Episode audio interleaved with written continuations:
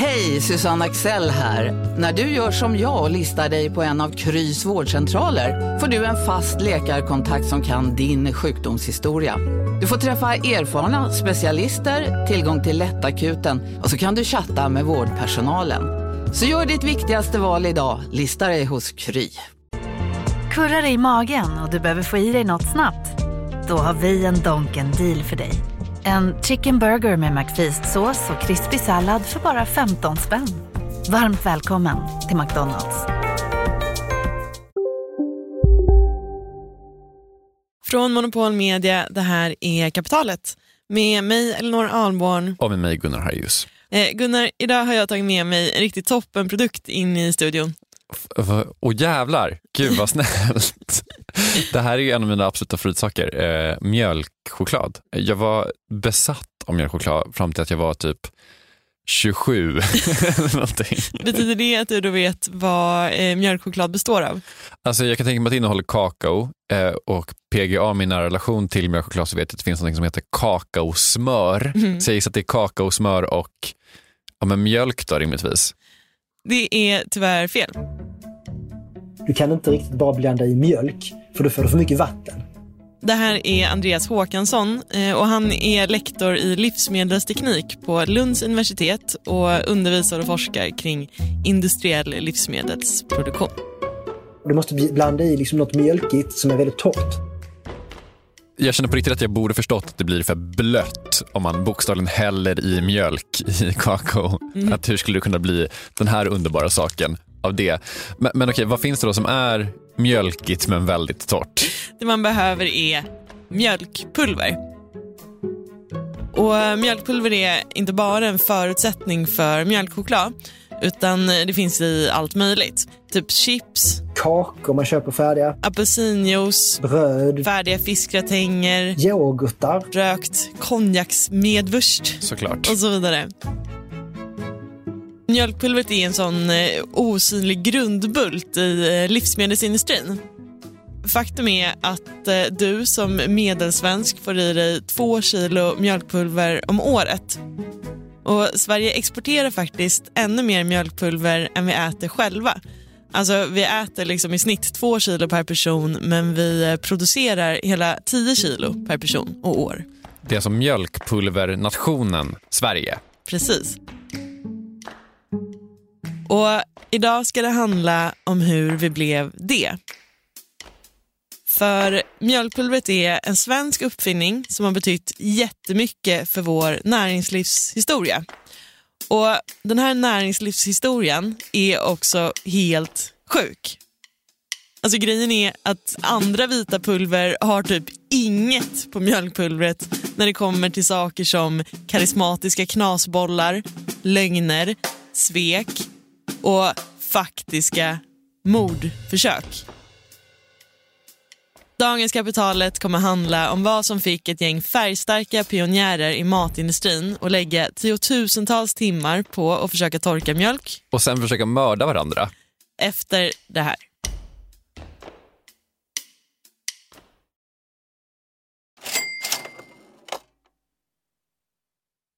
Kapitalet sponsras av SPP och Storebrand Asset Management. Eh, Storebrand och SPP hör ju ihop sedan många år och utan att gå in på några detaljer här och nu så kan vi i alla fall säga att eh, Storebrand förvaltar över 1200 miljarder kronor bland annat åt just SPP.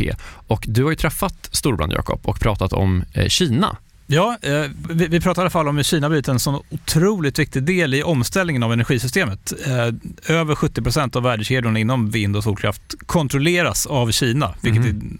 är otroligt när man tänker på det. Ja.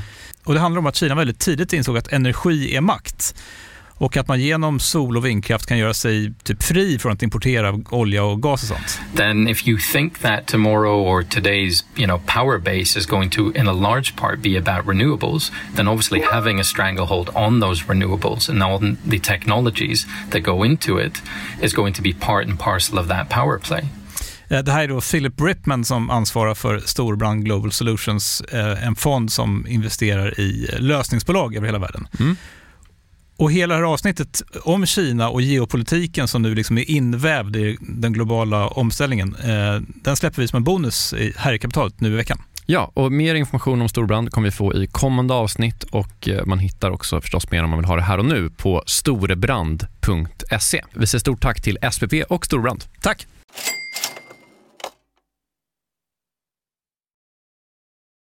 Okej, jag ska alltså få veta backstoryn till mjölkpulvret eh, som jag trodde var en okarismatisk produkt men som du redan har liksom hintat om har någon slags karismatisk knasbollskvalitet och faktiska mordförsökskvaliteter. Ja.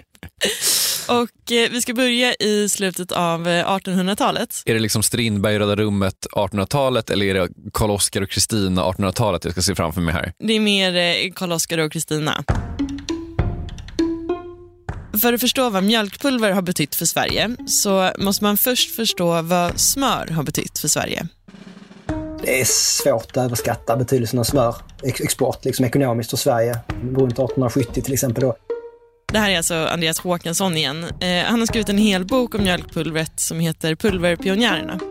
Det vi producerade var jordbruksprodukter. Ehm, vi hade fokuserat länge på mer spannmålsprodukter, om vi går tillbaka lite längre i tiden. Men, men vi fick väldigt mycket konkurrens av ehm, USA och Ryssland där under slutet på 1800-talet, vilket betydde att svensk jordbruksnäring var tvungen att fokusera om. Man blev tvungen att flytta upp sig lite i värdekedjan. Och då var ju smör en sån produkt som man kommer att producera väldigt mycket av. Och därmed blev det också intressant att hitta smart teknik för att producera smör effektivt. Så det börjar där. Det börjar alltså med att vi ska bli bättre på att göra ännu större mängder smör. Exakt. Och eh, En som tar sig an det här är en uppfinnare som heter Gustav de Laval.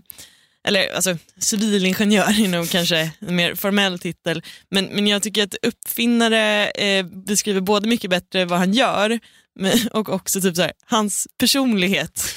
Eh, 1878 så får han patent på en maskin som kan göra smör mycket mer effektivt än man kunde innan.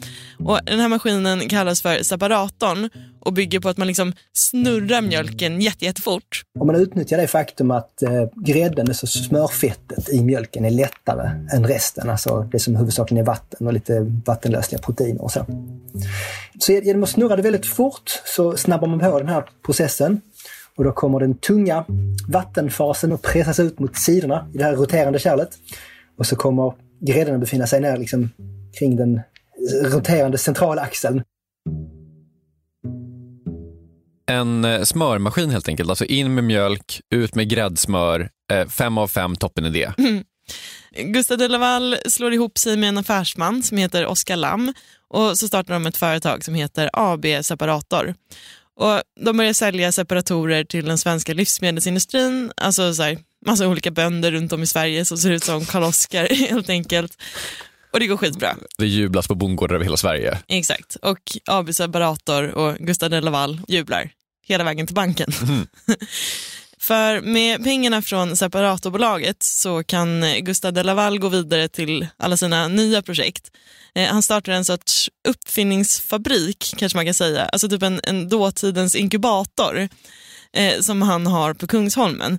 Alltså han liksom anställer en massa kemister och ingenjörer och mekaniker och allt vad det är för att förverkliga alla hans idéer och betala dem ur egen ficka. Han var inte så duktig på affärer, han var duktig på att uppfinna saker och ting, så det var det han höll på med. Han hade massvis med idéer och så anställde han en massa unga ingenjörer och ritare och, och kemister och allt vad det är. Och sen så kom han till dem. Här har jag en idé. Prova det. Och sen så fick de sitta och arbeta med det hela natten. Och sen på morgonen efter när de liksom hade jobbat sig totalt slut så kommer han, ah, det var inte bra med förra idé, här kommer en ny idé. Eh, så det, så det var ganska, ganska intensivt för, för de stackarna. Eh, och inte alltid liksom så affärsmässigt. Alltså det låter verkligen superjobbigt. Det är någon så här svensk Silicon Valley-grej going ändå. Mm. Precis. Som så vaknar en morgon och så bara så här, nej allt du har jobbat med de senaste två månaderna betyder ingenting för mig nu. Exakt. Och en annan kul detalj är att alltså, precis som man idag fightas om programmerare så fightades man då om eh, ingenjörer genom att erbjuda typ så, gratis mat och massa andra förmåner. Någon slags som pingisbord i utbyte mot inget privatliv, mm. ett arv från historien. Exakt. Men okej, eh, separatorn då, den här briljanta eh, smörmaskinen, det blev en, en succé. Ja, eh, på ett sätt. Eh, fast samtidigt som den liksom löste ett problem, att man behövde göra mer smör snabbare, så föder den ett nytt problem. För det finns en jättestor baksida med smörproduktionen som blir värre och värre ju fler separatorer som säljs. För grejen är att det kommer ju in mjölk på ena sidan separatorn och så kommer det ut smörgrädde på andra sidan. Mm. Men kvar blir då också jättemycket fettbefriad vattenmjölk typ. Så, som vi idag skulle kalla för kanske minimjölk. Ja. Eh, men då kallar man den för skummjölk. Och den vet man inte riktigt vad man ska göra av. För att eh, folk var ju liksom mycket hungrigare på 1800-talet. De behövde inte liksom så eh, banta. Nej. Alltså man kan ju dricka den och man kan ge den till grisar och så, men det, allt eftersom vi får en allt större smörexport så börjar det bli problematiskt att göra av med den här. För att det är också en produkt som, vi har ingen pastörisering riktigt, så att den blir ju surnare och blir liksom både osmaklig och farlig att dricka ganska fort. Och eh, all den här skummjölken då blir både ett ekonomiskt problem, alltså att man inte liksom lyckas hitta någon användning för den, eh, och också ett miljöproblem. Man bara hällde ut skummjölk utanför mejerierna. Det som inte bönderna kunde ta hand om och göra till grismat. Liksom. Så det var hela grund, ska säga, drivkraften till varför det var så intressant att utveckla ett sätt att, att ta tillvara det här. För att även om man har tagit bort nästan allt fett ur skummjölken så visste man också att det fanns en värdefull grej kvar i den. Protein. Och det var väldigt viktigt, för om man inte var väldigt rik eh, kring år 1900 så fick man i sig alldeles för lite protein. För man åt huvudsakligen bröd. Det var billigt. Kött var liksom inte, kom inte i fråga och fisk var också liksom svårt. Så att, eh, därför var det viktigt liksom att, att utvinna den här stora mängden protein ur, ur mjölken. Så uppfinnargeniet Gustav de Laval står och tittar på det här problemet och kliar sig i huvudet. Och bredvid honom så står en sorts protegé som han har skaffat sig. En yngre uppfinnare som jobbar i hans eh, inkubatorhubb. Han heter Martin Ekenberg och är en jättespeciell person som ska komma och spela en stor roll i den här historien.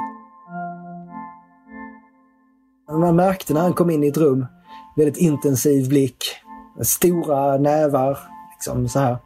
Lång, gick lite neråtböjd. Jag tror han var ganska, han var nu väldigt ambitiös på något sätt. Han kom från enkla förhållanden och kände att han var tvungen att, att kämpa liksom för att komma framåt. Gustav de Laval och hans protegé Martin Ekenberg försöker lösa det här skummjölksslöseriet.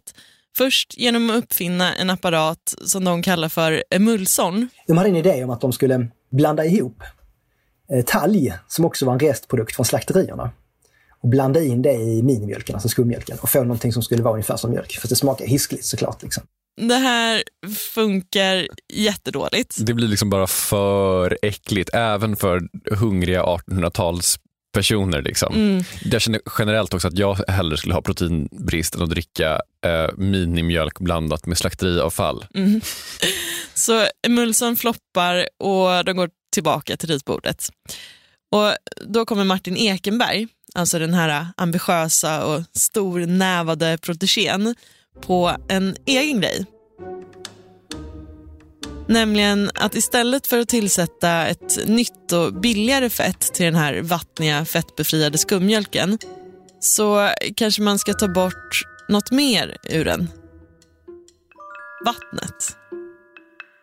Och ur de här grubblerierna så föds en ny produkt som ska förändra livsmedelsindustrin för alltid. Han uppfinner mjölkpulvret.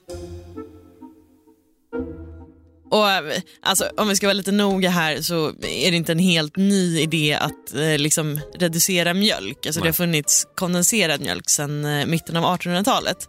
Men eh, Martin Ekenberg kommer på ett sätt att göra mjölk till bara pulver genom att uppfinna en ny sån här Baltasar-maskin som han kallar för exikatorn. Hans uppfinning är, är, var väldigt klipsk. Vi har fortfarande, idag kallar vi för en vakuumvalstork. Det finns fortfarande livsmedicin idag, över hundra år senare, liksom, som bygger liksom på Ekenbergs design. Och hur funkar heter den? Exikatorn? Ja, det, var, det, var, det, är en spännande, det är en spännande maskin också. Han har en varm trumma som eh, han har kondenserad ånga på insidan så att den är väldigt het. Och så snurrar den i ett tråg med skummjölk. Och då blir det ju en, en liten film av mjölk som fastnar när den, när den kommer ner i tråget. Och sen så blir den här liksom filmen av mjölk torrare och torrare och till slut har det blivit som bara ett pulver. Och då sitter det en kniv som skrapar bort den här pulverkakan och så en liten kvarn. Så kan den som snurra på där, man bara häller mer, på mer mjölk i tråget. Och så kommer det ut mjölkpulver i andra änden. Och tanken är alltså att man ska blanda ut det här pulvret med vatten igen så att man får något som är typ mjölk igen då, tillbaka. Mm, man liksom bara byter ut vattnet. Mm. Eh, och det har ju framförallt eh, två stora fördelar som produkt. Dels att det är mycket billigare att transportera pulvret utan vatten. Mm, tar mindre plats och energi och sådär. Mm. Eh, och sen så har det också otroligt mycket längre hållbarhet. Man behöver liksom inte ens hålla det kylt. Just det. Så eh, Martin Ekenberg demonstrerar sin exikator, eller valstork som det heter idag, på Lantbruksakademins sammanträde 1901. Och då är en massa journalister där och blir jätteimpade när han blandar ut pulvret med en skvätt vatten. Du kan tänka dig hur han står liksom på en scen och så med en så vit rock och, och men ändå på riktigt ganska otroligt. Du har ett pulver häller på vatten och sen är det mjölk. Och jag tänker att mjölk, alltså, jag skulle typ bli impad om jag såg det idag känner jag. Det här blir en så stor succé att han bryter sig loss från sin mentor Gustav de Laval och startar ett eget företag för att börja sälja den här maskinen. Och Det är ingen brist på ambition kan man säga. Han drömmer ju om att göra samma sak som sin, eh, som sin, sin mästare på något sätt. Inte bara uppfinna en massa saker utan skapa det här enormt stora svenska industriföretaget. För, alltså, Separator då, Gustav de Lavals bolag, hade ju blivit en otroligt viktig ekonomisk spelare i Sverige. Fast det finns ett problem. Både mentorn Gustav de Laval och protegén Martin Ekenberg lider av eh, ett stort tillkortakommande. Briljanta uppfinnare fast inget affärssinne.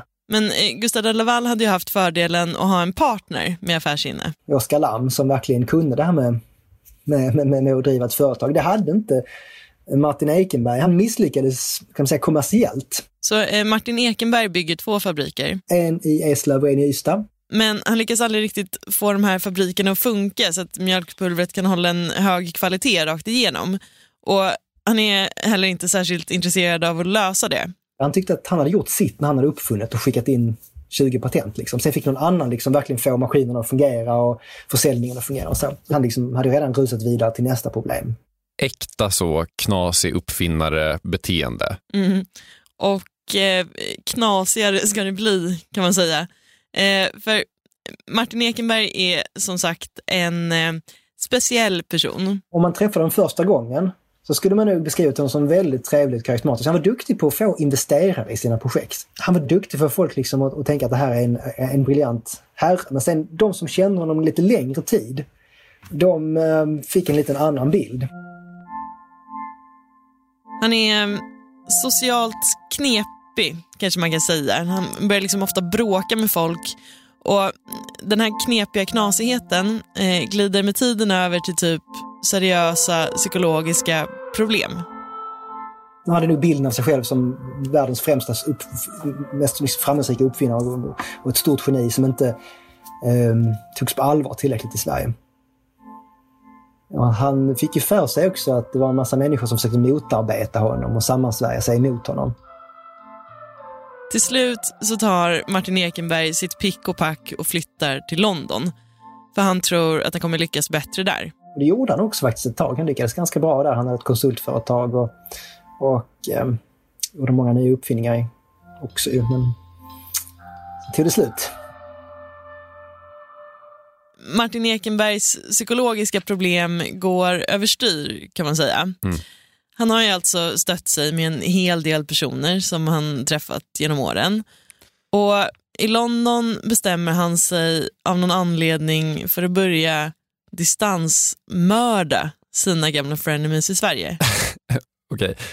Eh, många frågor nu, men eh, om vi bara börjar med typ så hur distansmördar man någon i början av 1900-talet? Ja, det är ju otur i oturen här, kanske man kan säga, eh, att Martin Ekenberg är en så begåvad uppfinnare.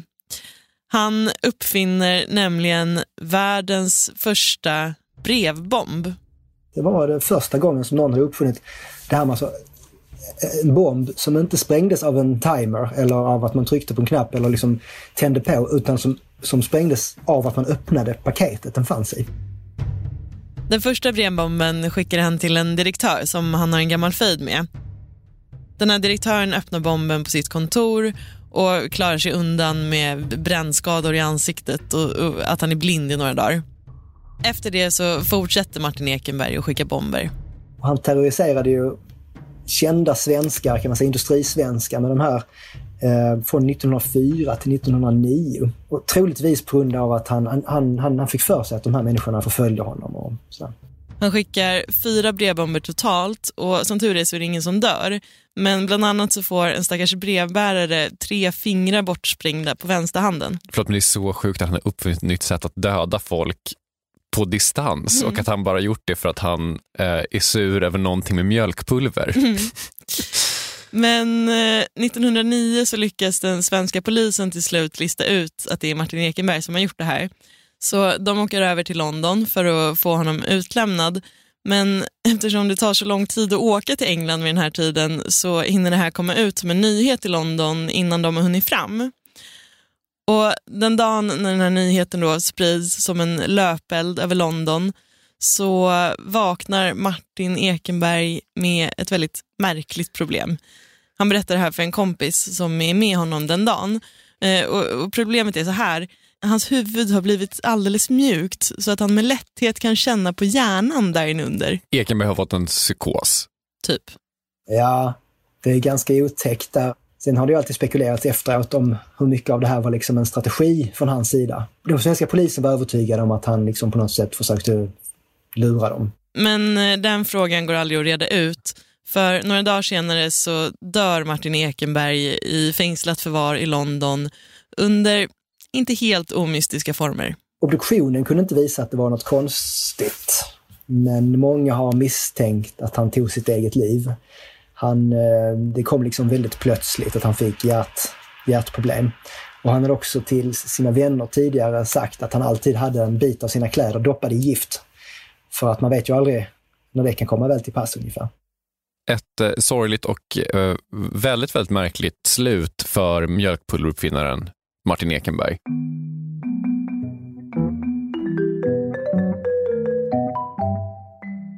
Men okej, Ekenbergs uppfinning då? Mjölkpulvret. Alltså, hur går det för de här helt okej fungerande fabrikerna i Sverige? Eh, ganska bra faktiskt. För några år senare så kommer ju första världskriget. Vilket ur ett strikt mjölkpulverperspektiv är ganska bra och tacksamt.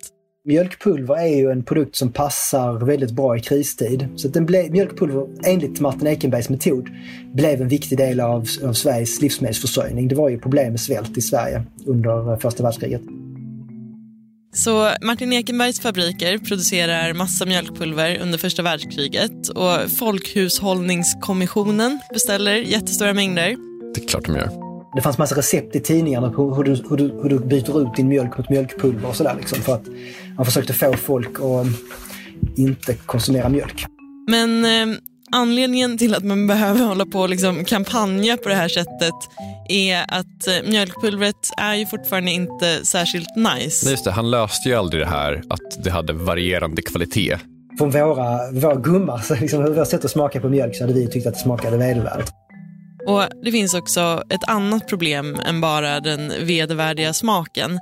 Den här Ekenbergska valstorkningen är inte heller särskilt skonsam mot alla värdefulla proteiner och vitaminer och sånt som finns i mjölken. Det är med andra ord inte en jättebra produkt. Nej. Men något decennium senare så går mjölkpulvret igenom lite av en revolution. Och den sker naturligtvis inte utan en ny episod av drama, svek och knasiga genier. Efter det här.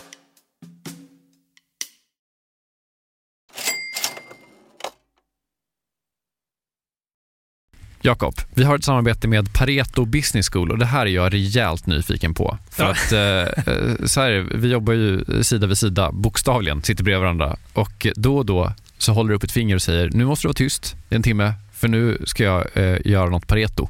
Exakt. Ja. Jag, gillar ju att lära mig nya saker, det, gör ju många journalister. Eh, Så den här våren går jag då en åtta veckor lång så kallad mini-MBA. Eh, Alltså jag hade gärna gått till riktig MBA också, men, men ja, inte tiden det kräver och, och framförallt ingen arbetsgivare som vill betala 800 000 för att låta mig göra det. Nej, eller kanske du har. Du är ju arbetsgivaren. ja, snål, snål arbetsgivare. Mm. Det är då Jens Bäckbom och Mattias Eklöf, två svenska entreprenörer som har skapat den här utbildningen just eftersom det finns ett gigantiskt hål mellan typ YouTube-filmer och en, en riktig MBA. Ja, och det här är då Pareto? Exakt, Pareto ja. MBA. Eh, Paretos utbildning kostar cirka 25 000 kronor och, och, under åtta veckor så lär man sig jättepraktiska och tillämpbara modeller för hur man startar, skalar upp, driver och säljer bolag. Eh, Jens och Mattias eh, de håller själva i många föreläsningar, de är garvade entreprenörer båda två. Mm. Och så man så olika gästföreläsare som kom in. Mm. Typ någon kille som, som, eh, var expansionschef på Spotify, någon som körde marknadsföring på Revolut, eh, en kille som driver Sveriges största campingkedja, mm. som har varit med i kapitalet faktiskt, okay. Johan Sör. Ja. Ah, just det. Också varit en helt otrolig svensk eh, entreprenör som byggt massor med grejer i Vietnam. Alltså makalösa berättelser. Oh, wow. Eh, så den här kursen består av en blandning förinspelade moment och seminarier, men man går också i då så kohorter tillsammans med andra deltagare från Sverige och utlandet. Jättenyttigt, eh, eh, tidseffektivt och funkar jättebra för, för den som vill driva egen verksamhet som, som typ vi gör här. Eller om man typ driver projekt och affärer i större bolag. Wow. Om man är taggad på att uh, bli en del av den här, liksom, vad ska man säga, Jakob skolan om man vill bli som dig, lära sig lika mycket som, som du har lärt dig, vad, ja. vad gör man då? Eh, nästa kursstart är 5 april, så vill man ta ett kliv framåt i sin utveckling eller karriären eller så, gå då till arbetsgivaren och kolla om du inte kan gå den här utbildningen. Priset ligger alltså på 2500 euro, men ni får 10% rabatt om ni anger Monopol Media som referens när ni eh, gör er anmälan. Mm. Eh, man kan också gå in på paretoschool.com för att eh, läsa mer och ja, se lite smakprover från själva utbildningen. Då. Mm. Så att eh, man sparar jättemycket pengar för att gå Handels MBA och man sparar ytterligare pengar om man tar del av eh, Monopol Media-erbjudandet. Ja, exakt. Ja, en no-brainer som vanligt. Mm.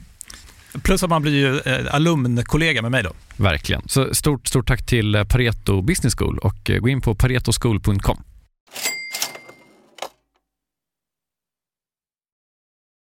Okej, det valstorkade mjölkpulvret har uppfunnits och dess pappa Martin Ekenberg har försökt brevbomba ihjäl sina konkurrenter och sen dött en spektakulär död i sviterna av vad man ändå får säga är någon slags psykos som mm. kanske är fejkad. Ja. Eh, efter sig så lämnar Ekenberg några fabriker i Sverige som förser svältande folklager med eh, protein under första världskriget och det här pulvret kan man väl summera som helt okej. Okay. Mm. Men vi står nu inför någon slags mjölkpulverrevolution. Ja, för på 30-talet så kommer en ny spektakulär person in i bilden. Och Hon heter Ninni Kronberg. Och hon är faktiskt bara åtta år yngre än Martin Ekenberg och växer upp i Gävle precis som han. Men eh, Ninni Kronberg lever första delen av sitt liv som eh, societetsdam. Hon gifte sig med den rikaste mannen i, i Gävle liksom, åkte runt där och de seglade runt i sin, sin lyxjakt och var väl, det verkar som helt ointresserad av naturvetenskap. Men sen bara plötsligt, någon, någon, någon ett par år, så alltså tar hennes äktenskap slut. Och hon bestämmer sig för att flytta ner till Skåne och, eh, och liksom bestämmer sig för att bli uppfinnare. Hon är alltså nyskild, nosar på 50 och har ingen utbildning i det här. Och läser in otroliga mängder vetenskaplig litteratur och omvandlar det gamla gårdsmejeriet till ett laboratorium. Och börjar sen liksom leverera uppfinningar som är liksom klart konkurrenskraftiga och som ger upphov till, till en, en svensk storindustri som fortfarande finns idag. Det, det, man undrar liksom hur det gick till. Alltså, något tillfälle har hon sagt att ehm, eftersom äktenskapet var slut med hennes rika make så behövde hon försörja sig.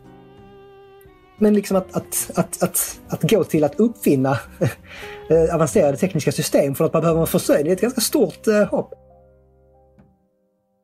Antagligen så får hon i alla fall inspiration från sin nya miljö, alltså hos den här väninnan i Skåne som hon flyttar till. Eh, för det finns en massa kor där och den här väninnans man eh, heter Joel Westrup och är ett ganska stort namn inom sockerindustrin på den här tiden. Okej, men Ninni Kronberg då, vad, vad är det hon gör för mjölkpulvret? Mm, alltså, exakt vad hon uppfinner eh, kommer faktiskt bli en fråga för rättsväsendet med tiden. Eh, men, men hon drar i alla fall igång en mjölkpulverfabrik som använder sig av spraytorkning istället för Martin Ekenbergs valstorkning. Och den funkar så här.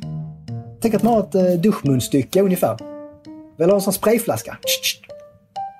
små um, droppar av, mjölk. Och så sprutar man ner det i en jättestor rostfritt ståltank där man har uh, väldigt varm luft. Så då faller varje liten, liten droppe av mjölk i den varma luften och eh, torkar på vägen. Och så när den kommer ner till botten av det här kärlet, då är det en liten pulverpartikel. Men det fina är att den här avdunstningen från droppen gör, det, liksom, det kyler droppen så droppen blir liksom aldrig så riktigt så varm heller. Så det är faktiskt ett väldigt effektivt, väldigt skonsamt sätt att torka på.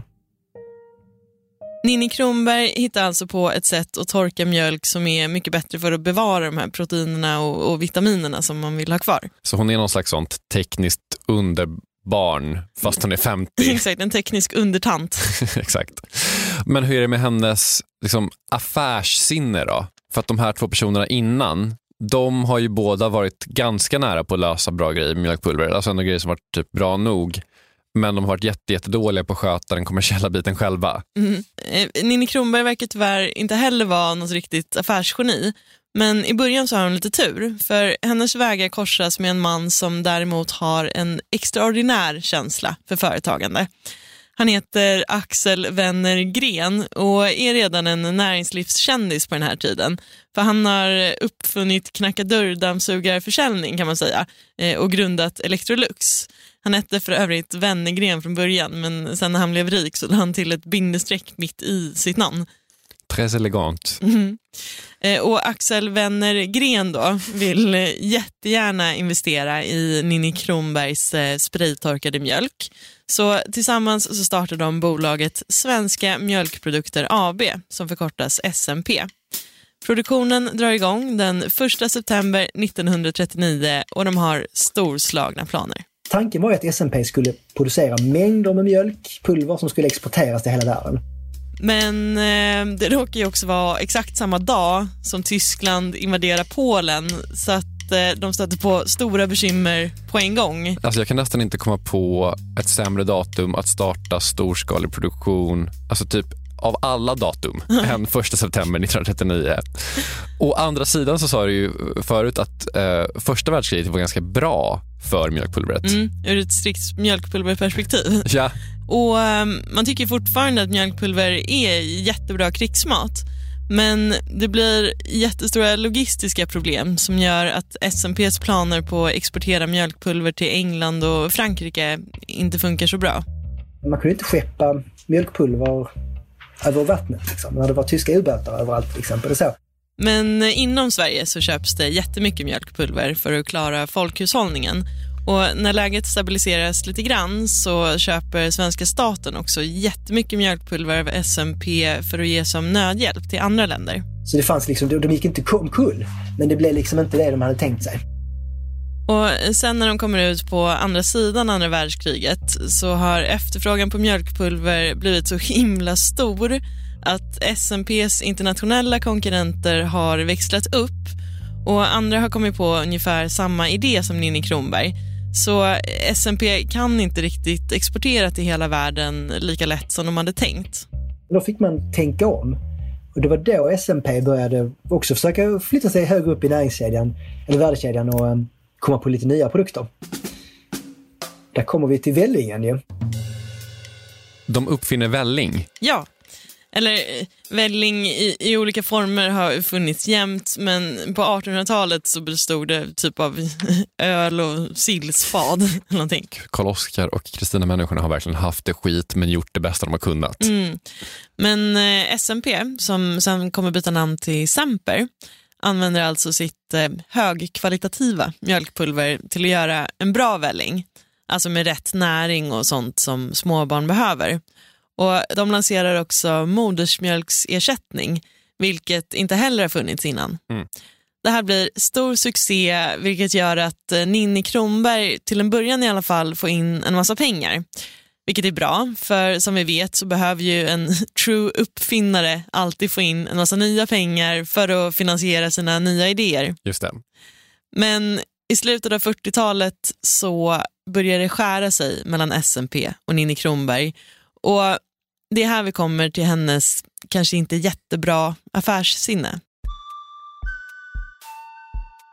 För att eh, grejen är att när hon och Axel Wennergren startar SMP så får inte hon några aktier i företaget. Ah. Utan istället så får hon royalties för varje kilo mjölkpulver som man producerar med hennes metod och en del av vinsten varje år. Och Det här gör ju att hon får in mer pengar i början på kort sikt än om hon hade haft aktier. Så det kanske kändes som en jättebra idé då. Men med tiden så innebär det här problem. Dealen dem emellan var att hon skulle få pengar för den mjölken man producerade med hennes metod. Och um, hon tolkade det nog som att all mjölk man producerade eh, skulle hon få betalt för. Men de menade efter ett tag att de började liksom lusläsa hennes patent och insåg att det här med spraytorkning, det var inte hon som uppfann det. Eh, Så eh, det hon fått patent för är modifikationer av en metod som redan fanns. Och sen så tyckte de att om de då gjorde modifikationer i sin tur och inte använde hennes förslag, ja då, använde, då producerade de inte längre enligt hennes patent. Och då skulle de inte de behöva betala royalties till henne, för det var en ganska betydande utgiftspost för företaget. Nu är inte jag patentdomare, men det låter lite som att hon blir lite snuvad av SMP här ändå. Mm.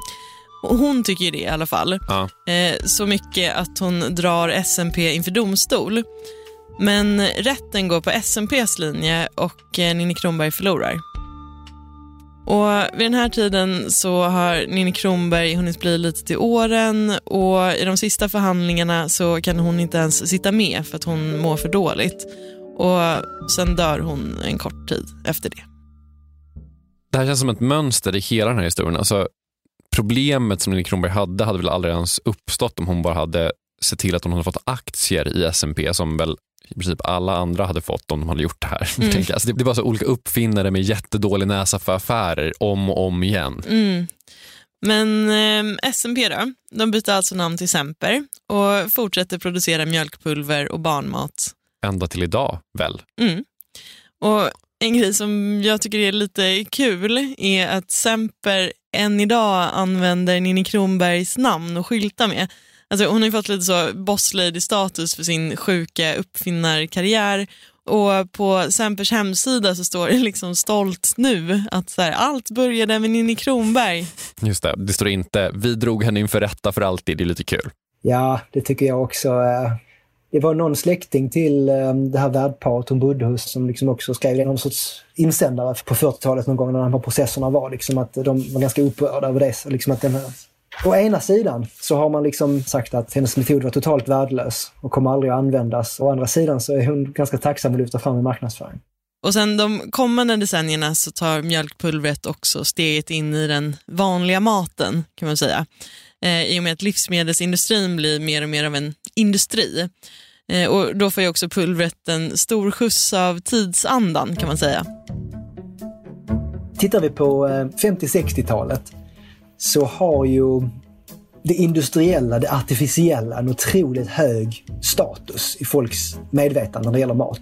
Det bästa sättet man kan sälja mat på den tiden det är liksom att visa en rostfritt stålmaskin och så ska det stå en massa folk där med clipboards och vita rockar och liksom räkna på någonting. Då tänker oh det där är bra mat. Så ska mat vara. Effektivt, rent. Den här andan går ju över lite grann nu kan man säga. Ja, precis. Eh, man kan väl säga att man fortsätter använda mjölkpulver i alla möjliga typer av fabrikerad mat.